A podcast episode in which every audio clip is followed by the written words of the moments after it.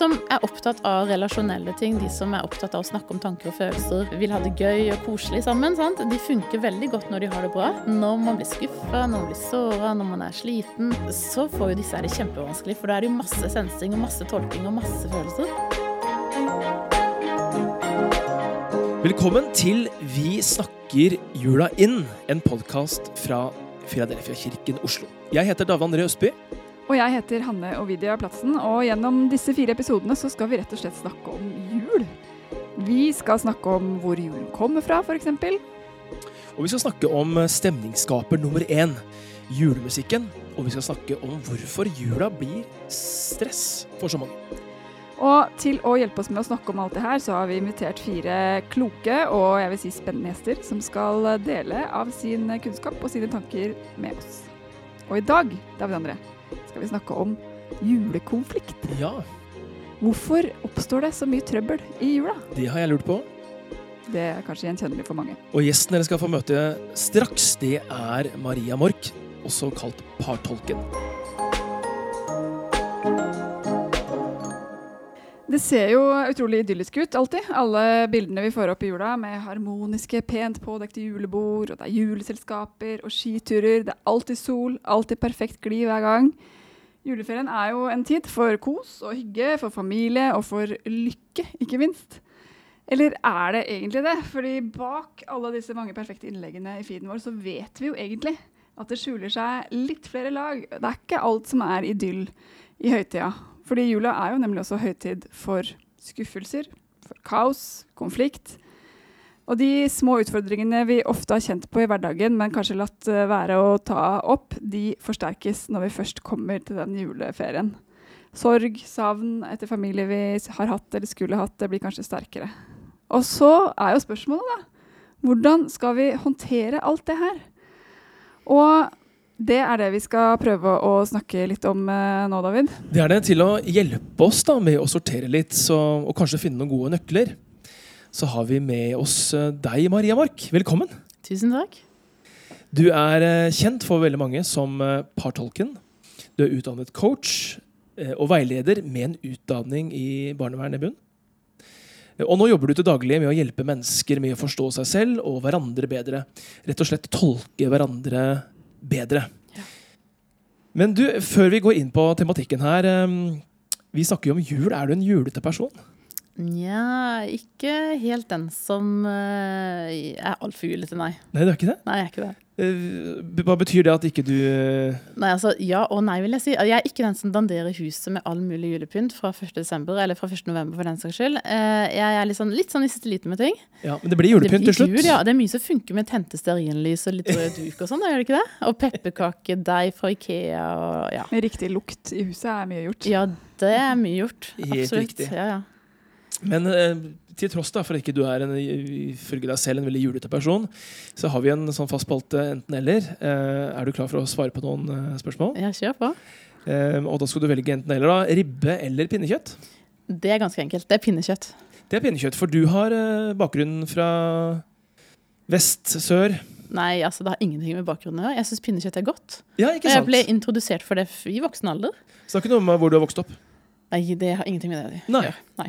Jeg er helt enig med deg. Jeg også ville valgt pinnekjøtt, selv om vi har ribbe faktisk hjemme. Love Actually eller Die Hard? Uh, må jeg velge mellom de to? Nei takk til noen av dem, egentlig. velge en annen. Kan jeg velge en annen? Nja, altså kanskje vi heller skal velge Hjemme alene, da. Der er jeg med deg. En eller toeren? Uh, ja takk, begge deler. Ja, helt enig. Der er vi alle tre på samme linje. Marsipangris eller skumnisser? Helt ren og ekte melkesjokolade, helst. Hjemme eller eh, bortejul? Uten fil hjemme. Mange små pakker eller én stor? Og ja takk, begge deler der òg, sier jeg. Men, men vet du hva, jeg vil helst egentlig heller enn pakker, så vil jeg heller ha tid sammen. At vi kan si hverandre gode ting, ha en skikkelig god prat, ha det gøy sammen. Det er nok kanskje de beste gavene jeg kan få. Det er veldig parterapeutisk av deg også. Nå. Det er veldig bra. Jeg tenker du scorer relativt greit jeg, på julescoren her. Absolutt. Du Tusen har, eh, du har anlegg. Ja, det er godt. godt. Og nå går vi jo i og er i en periode som er ganske hektisk for mange apropos jul. da, Man skal forberede seg. Det er jo ikke, Vi kaller det ikke julestria uten grunn. Og det er jo en tid der ting skal være på plass og på stell, men så sitter jo veldig mange og opplever at det er det stikk motsatte, egentlig. Eh, og så kommer vi til juleferien, og når vi først da har tid til å være gode mot hverandre, så klarer vi heller ikke det. Eh, Hvorfor oppstår konflikter når vi først har fri? Du som har uh, møtt mange par, mange, mange konflikter sikkert, og mye surr i relasjoner. Ja, og, og det, er ikke, det, er ikke, tvil om at den mest hektiske tida på jobb, det er rett før jul. Ja. For da er folk desperate etter å få hjelpa til å unngå denne kollapsen. Merker at ting er vanskelig, ting er tøft, og så det, blir det enda verre når jula kommer. Og det handler jo om at jula er jo en sånn kontrastenes tid. da.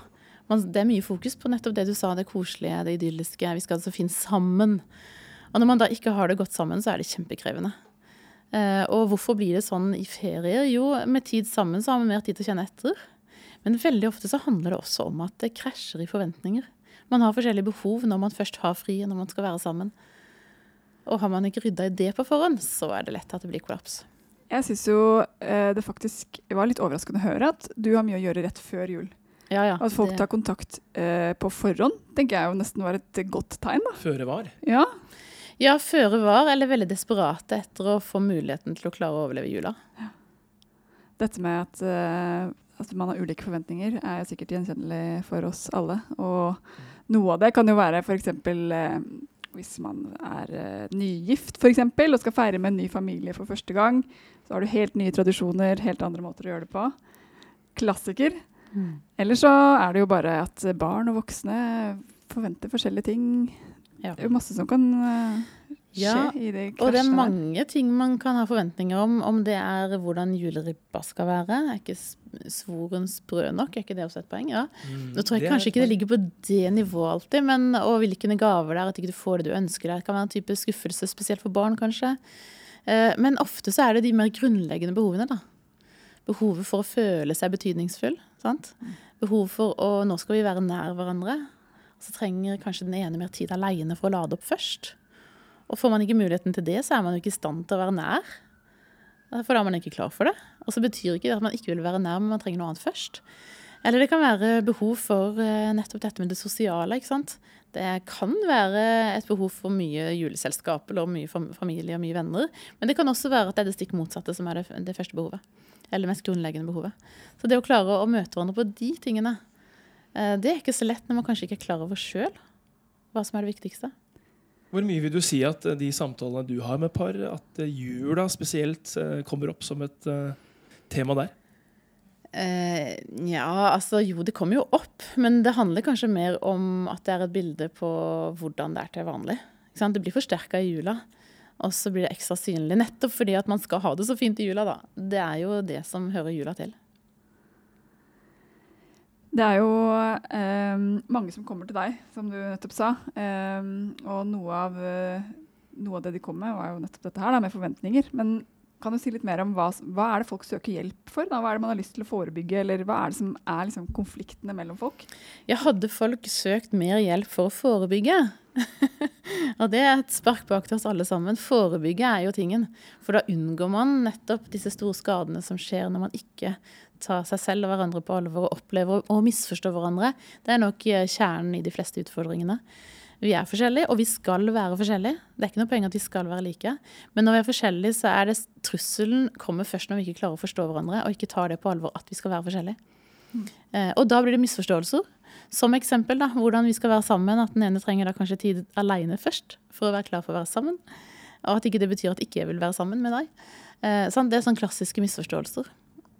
Så, så misforståelsene er nok, eh, hvis vi skal sette ett ord på det, så er det det. Det er på en måte godt da, å høre at det er måte, misforståelser som jo potensielt kan løses opp i, som ofte er problemet, og ikke kanskje enda dypere ting. Men allikevel så virker det som om disse misforståelsene, som kan virke litt ufarlige, ofte er ganske krevende og kan være en trussel også. Absolutt. mot ekteskapet. Eh, mange britiske advokater kaller første mandag etter juleferien for D-dagen, eller divorce day. Mm. Eh, den dagen som man opplever aller størst pågang av folk som ønsker å skilles. Eh, og det er jo trist da, at det kommer nettopp pga. misforståelser eller mangel på kommunikasjon. Mm, det er jo veldig trist. Og så mange jeg har jobba med som har trodd at nå var det over, og så har de fått en ny start. De sier jo med, med forundring og tenker at alt handler om misforståelser. At ikke vi har skjønt det før. Og dette her skulle alle få tak i, er jo noe av det som er uh, utsagnet for de som får en ny start. Og da tenker jeg at forebygging, ja, men kanskje snakke mer åpent om at det er vanlig. Uh, ikke så mye om at ja, nå er, nå er, det over for oss. Det er kanskje meant to be at ikke vi skal være sammen. Vi passer ikke sammen lenger. Vi har vokst fra hverandre. Vi har mista følelsene. Ok, Alt handler egentlig om hvordan vi klarer å møte hverandre. Og misforstår vi det, så er jo det er jo veien til at det blir mer og mer avstand. Eiendomsmeglere sier jo ofte 'location, location, location'. Det er det viktigste liksom, når du skal kjøpe eller se etter en eiendom. Og da føler jeg psykologer og parterapeuter og partolk sånn som meg, da, sitt mantra det er kommunikasjon, kommunikasjon, kommunikasjon. Det er bare nøkkelen til alt. Men, og det vet jo alle egentlig, da, i, som er i en relasjon med en annen person eller flere. Men så klarer vi jo likevel ikke å snakke godt sammen. Hvorfor er vi så dårlige på kommunikasjon når vi vet at vi egentlig burde sagt noe annet eller tilnærma oss den andre på en annen måte? Ja, det er jo det som er fortvilelsen for mange. Da. For overalt så hører du 'snakk sammen'. Det er svaret i alle samlivsspalter, f.eks. 'snakk sammen'. Og Det er jo så irriterende, ja, det, for det er så vanskelig. Ja, det er jo det som er problemet. ja. Og det er derfor partolkingen kommer inn som et veldig godt verktøy. Fordi at der skal vi få hjelp til å forstå ak hvordan akkurat vi to skal snakke sammen. Og, og det er jo ikke én fasit for oss alle. Det er kanskje det som er en stor misforståelse òg. Vi kan ikke ha ti punkter på hvordan vi skal snakke sammen. Men hva er det akkurat du trenger når vi skal snakke sammen? Jeg snakker om det å ha tid alene først for å lade opp. Det er én ting. Kanskje trenger du å få lov til å finne tryggheten, roen, før du kan ta den praten. Kanskje er du en som trenger de der korte, små punktene. Vi kan prate mens vi er ute og går. Ikke sitte i sofaen og se på hverandre mens vi skal snakke sammen. Kanskje trenger du forberedelse. At ikke du kan bli tatt på senga. Du må få lov til å summe deg litt og fordøye litt før du svarer. Mens andre igjen trenger å prate mens de tenker og er liksom i prosess mens man snakker. Og da kan de jo bevege seg og forandre seg mens man snakker òg, og, og det kan være veldig forvirrende og usikkert for den som, ikke, den som har tenkt ferdig når han snakker. Så bare det å forstå disse ulikhetene her er jo en del av det som handler om tolkingen. Og som fører til aksept og respekt for at vi kan være forskjellige. Og da vil jeg jo tro, eller i hvert fall bare på en analyse av mitt eget forhold vil jeg jo tro at stort sett er man forskjellig ja. i et par. Helt riktig. Og da å ikke forstå eller ta inn over seg de forskjellene er jo bare utløsende for så mange misforståelser. Vil du si dette, Man snakker ofte om at uh, dette er forskjellighet da, i et, et par. Um, ser du noen liksom, klar uh, trend i forhold til par som er mer eller mindre like, og om likere par har uh, mindre utfordringer for eksempel, i kommunikasjon enn ulike par? Eller har det ikke noe å si? Det er et veldig vanlig spørsmål jeg får. Og man tenker kanskje at uh, like barn leker best, er jo et ordtak. Jeg vil si at det er ikke alltid sånn at det funker så godt heller. og ingen er jo helt like. Vi er jo sammensatt. Og poenget er jo at hvis vi tenker at vi blir til i møte med hverandre, og det gjør vi jo i alle relasjoner, vi blir det her i denne samtalen, så blir vi til i møte med hverandre. Eh, så, og jo mer bevissthet man får om hvordan man kan være med å skape noe i hverandre og i seg selv, der ligger det jo en veldig kraft og en veldig mulighet til å disponere eller lage en relasjon god eller dårlig. Så vi ble tidlig i møte med hverandre i starten av forholdet, når de gode følelsene kom. Så skapte vi noe i hverandre. Uh, og så ble det kanskje litt vanskelig etter hvert. Og da ble vi tidlig i møte med hverandre. Og der ligger muligheten i forhold til å skape noe nytt. Så, så spørsmålet ditt uh, handler kanskje mer om at vi er aldri like, men vi får frem ulike ting i hverandre. De som er opptatt av relasjonelle ting, de som er opptatt av å snakke om tanker og følelser, eh, vil ha det gøy og koselig sammen, sant? de funker veldig godt når de har det bra. Men når det blir komplisert, når man blir skuffa, når man blir såra, når man er sliten, utrygg, så får jo disse her det kjempevanskelig. For da er det jo masse sensing og masse tolking og masse følelser. Da er det veldig godt å kunne ha en som kan balansere, som er stødig og forholde seg mer til det faktaorienterte i en sånn situasjon. Mens i andre situasjoner så kan det være veldig, veldig komplisert igjen. Så, så, her er det liksom ikke ett svar. Du, jo, du, jobber jo først og fremst med par.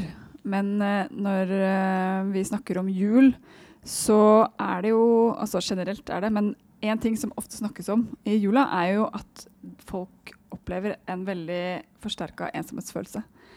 Det kan jo være både fordi man er alene selv, men det kan sikkert også oppstå i et par, at man føler seg alene. Mm. Eh, hvorfor er det sånn? Det er jo mye, mye ensomhetsprat, men det er, det er, vanskelig å forstå helt alltid hvor det kommer fra. Mm. Da tenker jeg at det handler om å se på hva er det ensomheten kommer av. Er det av at du sammenligner deg med andre? Det, du må nesten lukke øya. Hvis ikke du skal få et inntrykk av at alle andre har det fint og koselig og er sammen. Sant? Eh, det er i sosiale medier, det er på nyhetene, det er i alle mulige blader i butikken. Du ser det overalt. Fokuset på det fine, idylliske, julete, sammen. ikke sant? Så det er det ene. Er det noe som vekker ensomhetsfølelse i deg, eller følelsen av at du er alene her i verden? Selv om det er sammen med mange, så kan det likevel være en følelse av at jeg hører ikke til. Eh, og så tror jeg nok ensomhetsfølelsen når man ikke kan bidra på den måten som man kanskje ønsker, redusert helse, eller kanskje har vært i et samlivsbrudd, eller du ikke har funnet den partneren du har lyst til å etablere familie med. Det, det er nok mye som handler om tilhørighet. Eh, og så tenker jeg at eh, det handler mye om den der, eh, hva er innebygd på innsida di. Og slags, hvordan har du det egentlig med deg sjøl, sånn i bunn og grunn. Du kan sitte aleine og ha det helt supert. Men du kan også sitte alene eller sitte sammen med noen og ha det helt grusomt og føle deg ensom. I, et, eh, I, en relasjon til noen, da, hvis vi skal ta tak i akkurat eh, det eh, det, er virke, det, er jo liksom motstridende å tenke at jeg opplever meg alene her, selv om jeg er sammen med dette andre mennesket, eller disse andre menneskene her. Um, hvorfor oppstår den følelsen, når du egentlig har noen andre der? Eh, det, det, handler igjen om at vi blir til i møte med hverandre. Føler du deg ikke sett? Det kan være. Eh, du føler at du er annerledes. Eh, men igjen tilbake til dette med den tomheten man kanskje kan kjenne på innsida. Det at du anklager deg sjøl. At du kanskje har savna det å bli bekrefta fra du var liten. Det sitter inni deg som en sånn hva skal man si, en sånn gift som mm. stjeler gleden din, også som voksen. Nå um, har vi jo snakka en del om eh, hva som ofte er konfliktene, særlig da, i forbindelse med juleferien, der alt dette her ofte dukker opp i mye større grad. Og det er jo mye å ta tak i, men vi må jo også snakke om løsningene. Og jeg vet at uh, du, du, fortalte her at det er jo ofte løsningene du snakker med parene om. Ikke nødvendigvis alt som har skjedd, men hvordan håndterer vi det vi har her nå, og hvordan får vi det bedre fremover. Um, og det første som du vil snakke om også i starten her, er dette med forventninger ulike forventninger, og at de kolliderer med hverandre. Og jul er jo enormt mye forventning. Hvordan kan vi, eller går det faktisk an å klare å ha realistiske forventninger til hverandre? Ja, realistiske forventninger, eller kanskje mer avklarte forventninger, vil jeg si. Altså det å bli bevisst på sine egne forventninger. Jeg møter mange som sier at jeg har ikke noen forventninger. Alle har jo forventninger. Men det er på ulike plan. Men det å bli bevisst på hva er det egentlig jeg ser for meg. Hva ønsker jeg meg, hva, hva, håper jeg på, hva forventer jeg? Det er mange ulike ord på dette her. Det blir bevisst selv på hva jeg ser for meg, hva jeg ønsker meg. Eh, men å begynne å snakke om det, eh, og sjekke ut med de rundt deg også. Avklare forventninger vil si at man også har muligheten til å kunne korrigere forventningene. Det er ikke sikkert du må legge det helt ned i bånn, men det er mye lettere å bli møtt på forventning hvis noen vet hva du forventer. Og igjen, her er det jo supermange misforståelser. Og ser for meg også at uh, man kan havne i litt sånn forhandlingssituasjon, nesten. Det kan man også. Så avklaring av forventninger er viktig man gjør på en god måte. Uh, en ting er å sjekke hva forventer du, hva ser du for deg. Men det veldig mange glemmer, det er jo at vi legger ulik betydning i samme ord. Så det å spørre hva betyr det for deg?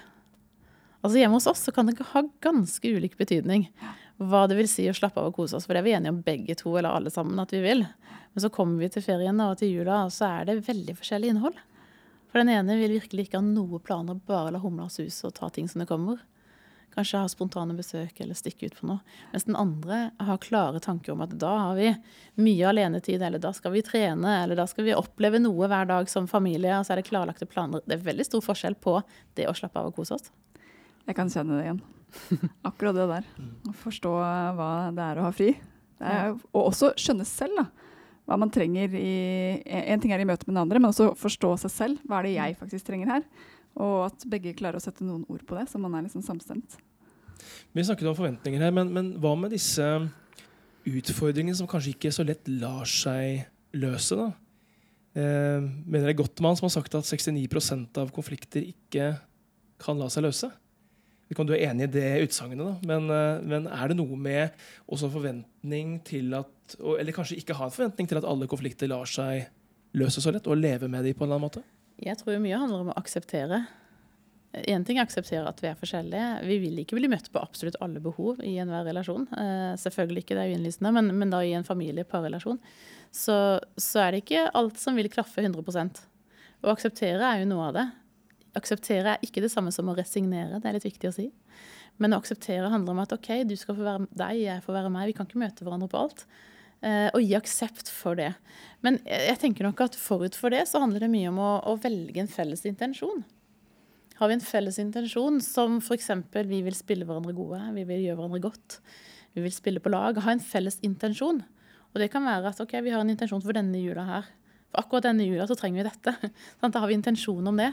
Og har vi valgt en felles intensjon, så, så sikter vi mot det. Vi, vi, vi, velger en holdning som samstemmer med intensjonen. Dette er jo en del av jobben, da. Men det vil også gjøre at vi har det mye bedre. Det handler om å finne en slags en, en middelvei. altså å si den ene vil pynte juletreet 1.12., og den andre vil vente til 23. Eh, skal man måtte pynte 15.? Eh, eller hvor, hvor, finner man en sånn middelvei? Ja, I, I store og små ting? Ja, i noen tilfeller kanskje middelvei, men jeg sier ofte at skal vi velge, velge en middelvei, så vil jo begge tape. ja, riktig. så det er ikke det vi er ute etter her, egentlig? Jeg tror nok ikke det er løsningen på de fleste utfordringene vi er forskjellige på, men kanskje mer i aksepten på at det, det er OK at du kan finne på det du vil, og at jeg kan finne på det jeg vil. Og så kan vi kanskje dele dagen i to. Vi kan ha annenhver dag, bare for å tenke sånn teknisk, praktisk. Eh, men, eh, men, jeg tror ikke løsningen er å alltid møtes på midten. Så det er mer å er at begge to egentlig skal få gjøre litt av det man selv vil? Det er mer at det handler liksom om at ingen egentlig blir fornøyd? Ja, og når man begynner å snakke om dette og utforske hva handler det egentlig om, og være nysgjerrig på hverandre, så, så er det ofte mange oppdager at det, det er jo ikke så komplisert. Det er ikke nødvendigvis så motstridende at det går utover den andre. Og det er jo noe av poenget. da. Å si noe om at dette her har jeg lyst til, eller dette trenger jeg. Hva trenger du da når jeg skal gjøre dette? Eller også si at ok, når du ønsker det, så er det viktig for meg at det er sånn og sånn først. Eller at vi gjør det før du går ut, f.eks., så er det viktig for meg at vi da kanskje kan ha en stund sammen først. Altså det å, å ha den balanseformelen som jeg snakker om, da. Opptatt av sine egne behov og den andre. Eller noen trenger faktisk å trene på å være først opptatt av den andre, og så sine egne. Så det er klart at det handler ikke om at du, du bare skal være opptatt av den andres behov eller bare skal legge til rette for andre. Det er det mange som gjør. Og så tenker de at jeg skal ikke være til bry. og jeg kan ikke si det. Egentlig vil jeg holde tilbake og holde tilbake og holde tilbake fordi den andre blir irritert, eller redd, man er redd for å få dårlig samvittighet, trø noen på tærne. Og det gjør bare vondt verre. Så, så, den og de av dere som kjenner seg igjen i det, er kanskje første punkt å jobbe med seg selv i forhold til at jeg er viktig. Det jeg trenger og ønsker og har behov for, det må jeg også få lov til å løfte frem.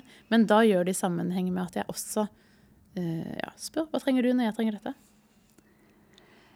Det er jo allikevel eh, selv, kanskje til og med på tross av at man har gjort noen avklaringer i forkant, da, avstemt forventninger og sett hva man trenger, så kommer du der, og så har du stressa hele desember og kollapser litt inn i den juleferien. Og da kommer de konfliktene allikevel. Og eh, kjenner at det bruser ikke sant? når storebror står der og bare irriterer deg akkurat sånn som han pleier. Mm. Eller ingen faktisk forstår at ja, men jeg hadde jo trengt dette her nå. Um, er det noen liksom, triks eller tips til hvordan man kan håndtere en sånn eskalerende konflikt i øyeblikket? Ja, Det letteste er jo å reagere automatisk tilbake med irritasjon. Eller noen også reagerer med å trekke seg unna, for det er jo forferdelig med noen som er irritert og sinte. Mm. Eh, men kanskje kan det være en uh, vei å gå og begynne å sjekke ut hva handler det egentlig om. Eh, hva gjør at nå oppfatter jeg at du er litt irritert eller sint eller lei deg? Eller hva, hva, handler det egentlig Hva skjer egentlig hos deg? Altså det å være nysgjerrig, da. Og vi snakka vel litt om det i stad, at eh, når man er sulten, så kan jo noen av oss være litt mer irritert enn andre. Ja, men noe sjelden i jula, da. Men... sjelden sulten i jula. Kanskje motsatt, jeg som vet. En sånn jevn ribbesvor over ja. Eh, men det å sjekke ut hva handler det egentlig om. Noen ganger så er det bare at man er sulten. ikke sant? Men også si at vet du hva, akkurat nå så trenger jeg litt tid for meg sjøl. For jeg kjenner at det koker inni meg, eller nå trenger jeg å få litt pause. Og så er jeg klar. Sette de grensene på en god måte. Eh, og kanskje trenger man hjelp til det. Barn kan trenge hjelp til det. Bli eh, mm. speila. Nå, nå får jeg opplevelsen av at du er litt irritert, eller at det er noe med deg. Istedenfor å si at nå, nå, er du sur, ikke vær så sur. Nå er du irritert. Mm. Ikke sant? Påstå ting det er jo noe som ofte vekker irritasjonen. Men heller å sjekke ut og si at sånn oppfatter jeg det, sånn opplever jeg det. Hva er det egentlig? Sant? Jeg hører også en annen eh, liksom, utgangspunkt for konflikt i jula er jo at eh, f.eks. voksne barn kommer hjem og går tilbake til sine, de rollene de alltid har hatt hjemme. Ja. Og får tilbake de mekanismene vi hadde da vi var små. Ja. Eller forventer masse av foreldrene som egentlig ikke er naturlig å forvente lenger. Eller også, liksom, og, også mellom eh, et, i et par. Da, at plutselig så blir den ene helt sånn annerledes bare av å være der. Eh, og det kan eh, jo være vanskelig å komme seg ut fra også. Det, ikke, det skjer ja, det på automatikk. Mange, ja, det er mange kriser som oppstår der. Eh, og jeg tror nok at eh, Hvis vi skal ha et lite tips i forhold til de situasjonene, så, så tror jeg vi alle sammen kunne vært eh, enda bedre på å ha denne avklaringspraten, som jeg holder veldig høyt oppe. Avklaringspraten og sjekke hva er viktig for oss denne jula. Når vi kommer hjem, nå, hva er viktig for dere da? Og, og som dere som par og familie, ha den praten før dere reiser hjem til, til svigers eller til familien. da, Og, og si hvordan skal vi funke sammen nå, hva er viktig for deg da?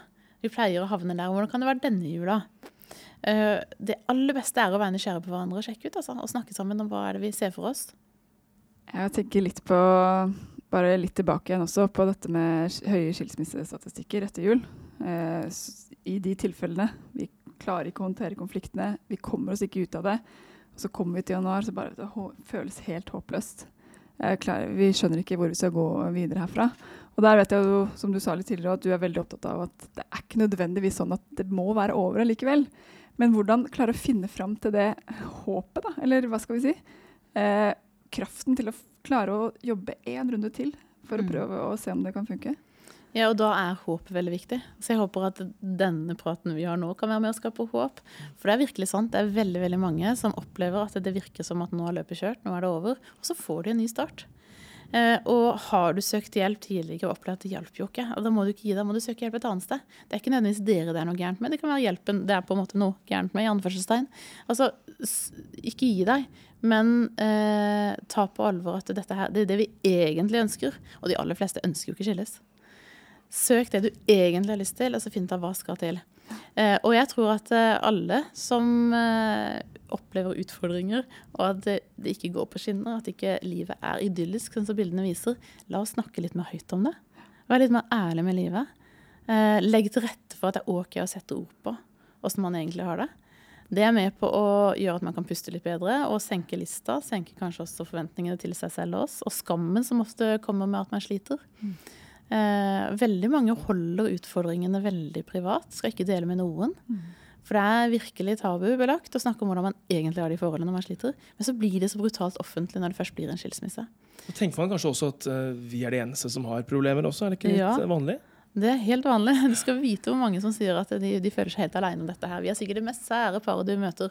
Og sier ja, vi er alle som dette. vi kjenner oss alle igjen i disse situasjonene og på ulike måter. Så eh, nei, du er ikke aleine om det er utfordringer. Og så tenker jeg, Du sa det med å skape håp. Håpet det er helt avgjørende for å få kraften til å jobbe seg videre. Mm.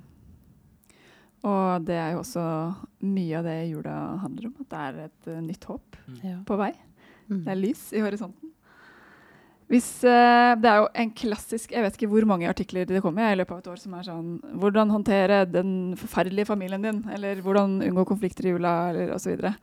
Og, så kan man liksom scrolle og le litt forbi det. Men det er jo faktisk, et, bare basert på den praten her, et stort behov for gode råd.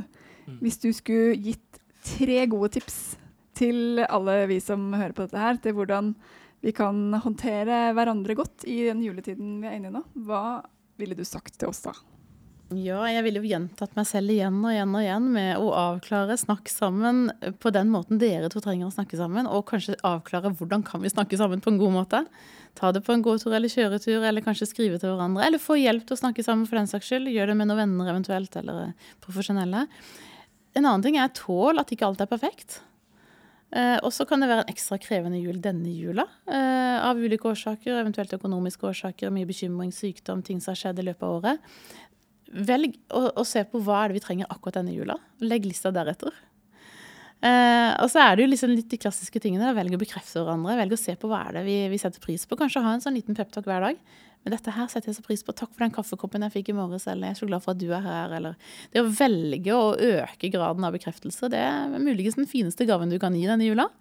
Og dermed også være nysgjerrig på hverandre i den forbindelse med at vi, vi vekker til live det å kunne se hverandre på en ny måte. Og gi hverandre frihet til å være forskjellige. Det er helt normalt å være forskjellige. Vi skal være forskjellige. Det vil si ulike behov, ulike måter å se ting på, og akseptere det. Gi hverandre friheten til å være forskjellige. Og, og kanskje la et juleselskap eh, Så kan du gå aleine med ungene hvis partneren trenger faktisk litt aleinetid. Det er ikke krise. Gode råd inn i jula. Og Maria, vi har jo uh, touchet innom eh, et veldig stort tema her. Uh, og det kom kommet oss for øre at du også jobber med en bok. Ja. Så den som ønsker å vite mer, lese mer, kan jo også skaffe seg den. Den kommer ikke innen jul, da, så det er vel ikke mulig å få den juletre i år. i Nei, det blir nok utpå nyår en gang. Ja. Men det som du kan få til jula, er jo Partolkens julekalender. Som eh, stort sett eh, slippes hvert år. Og det er jo mer enn bare en julekalender. Da får du en liten sånn snik på, inn på en video hver dag. Eh, som hjelper dere til å ta grep. Hjelper dere til å ha fokus på hverandre og handlingsretta grep. Og ikke bare til julaften, men gjennom hele romjula. Og øh, har man det litt tøft, så er det romjula som ofte er tøffest. Så den kan være en sånn god hjelper til å eh, legge til rette for en ny start for det nye året. Og ikke minst da, bevare roen og freden, og ikke minst det å kunne se hverandre gjennom jula. Ja, for det er jo håpet for oss alle. At vi får kjenne litt på senka skuldre julefred og se det beste i hverandre. Også denne jula her, uansett hvor kaotisk vi opplever det i oppløpet. At vi får kjenne at det, det faktisk også kan funke. Og være fint innimellom. På Bestemme. tross av alle ting. Ja, bestemme deg for det. Bestemme deg for intensjonen av godhet. Bare det ordet der kan være med på å prege holdningen din. Da velger jeg å tenke at du vil meg godt. Jeg velger å tenke at jeg vil deg godt.